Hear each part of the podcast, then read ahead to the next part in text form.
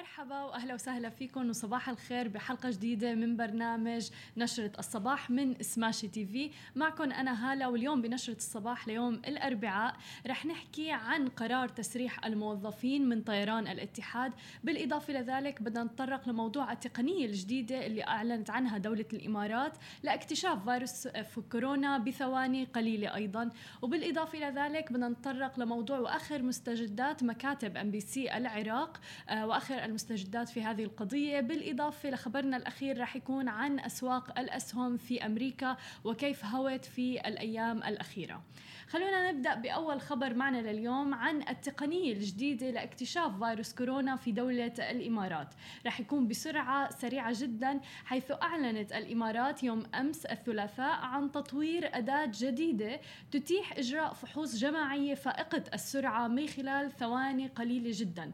عبر أشعة الليزر راح تكون مما راح يسمح بتوسيع دائرة الفحوصات على نحو غير مسموق ابدا. وهذه الأداة من ابتكار مختبرات آه، اللي هي مختبرات ذراع البحث الطبيه في الشركة العالمية القابضة IHC المدرجة في سوق أبو ظبي للأوراق المالية.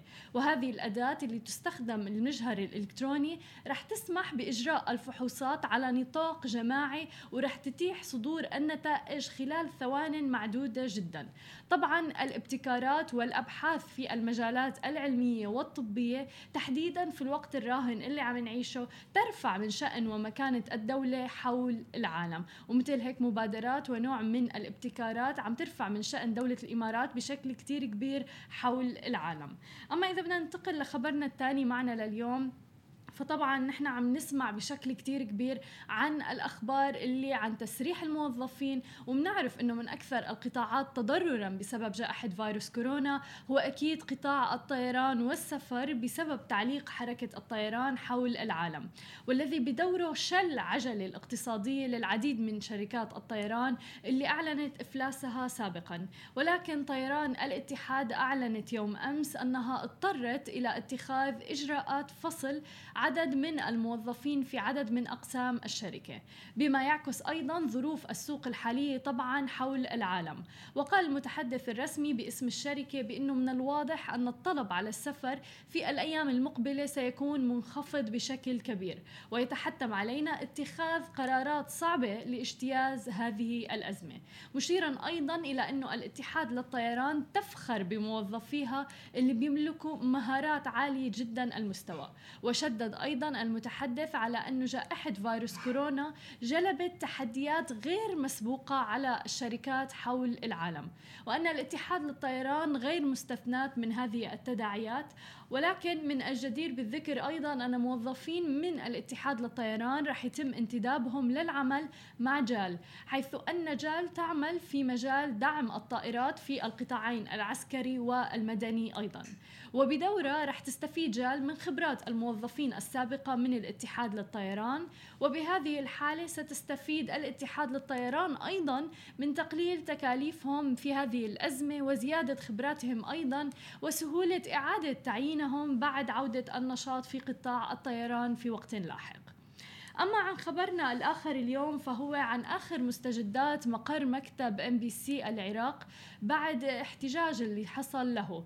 فقد تعرضت استديوهات إم بي سي العراق في بغداد لاعتداء لم يسفر عن قتلى أو جرحى واقتصرت الأضرار على ماديات آه، على خلفية حلقة برنامج مالك بالطويلة اللي يعرض بشهر رمضان على قناة إم بي سي.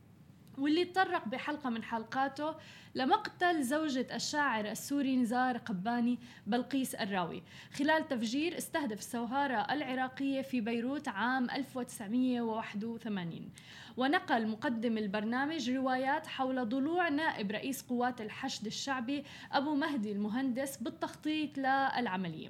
ولكن استنكرت مجموعة ام بي سي الاعتداء الذي تعرضت له استديوهاتها في العراق ووضعت الأمر في عهدة السلطات والأجهزة المختصة.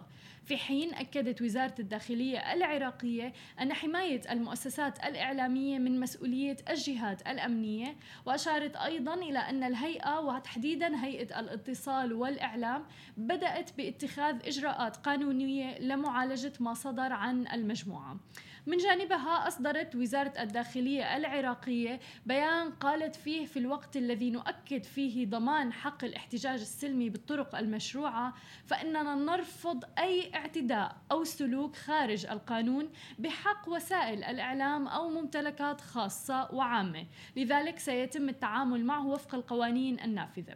وتابعت أيضا الوزارة في بيان لها قائلة إن ضمان حرية وسائل الإعلام وأمنها هي جزء من مسؤولية القوى الأمنية كما أن تنظيم وسائل عمل الإعلام من مسؤولية هيئة الاتصال والإعلام والتي بدأت بإجراءات قانونية مباشرة لمعالجة ما صدر في وقت سابق من شبكة تلفزيون الشرق الأوسط ام بي سي أما عن خبرنا الأخير لليوم فهو عن أسواق الأسهم الأمريكي والتي تذبذبت بشكل كتير كبير في الآونة الأخيرة وهوت بعد افتتاح أسبوع قوي كان لها بعد ما أعلنت أمريكا على أن على وشك الإعلان عن لقاح لفيروس كورونا.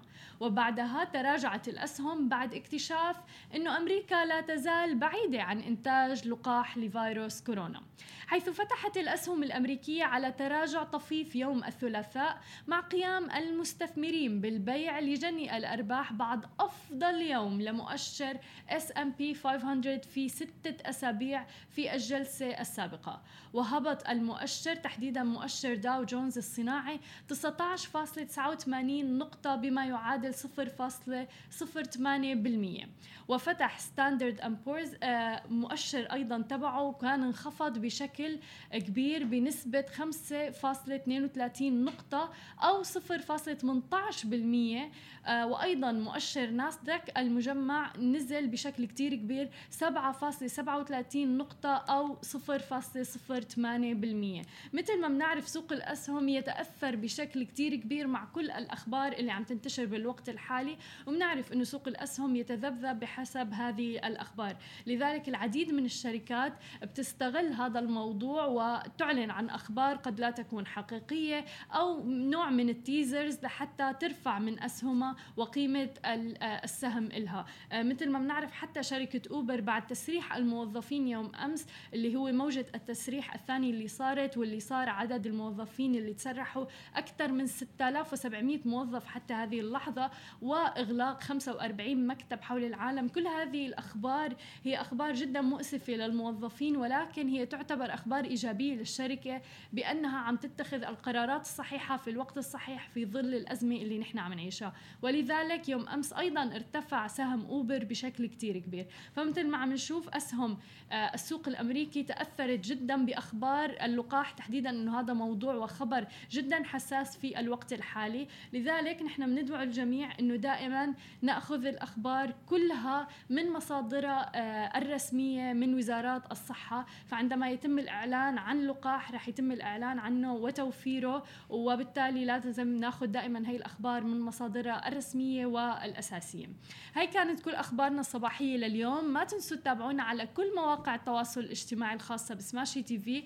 تسمعوا البودكاست تبعنا وتنزلوا ال application. بشوفكم أنا الساعة واحدة ونص بأخبار مفصلة أكثر عن البزنس والتكنولوجيا. نهاركم سعيد.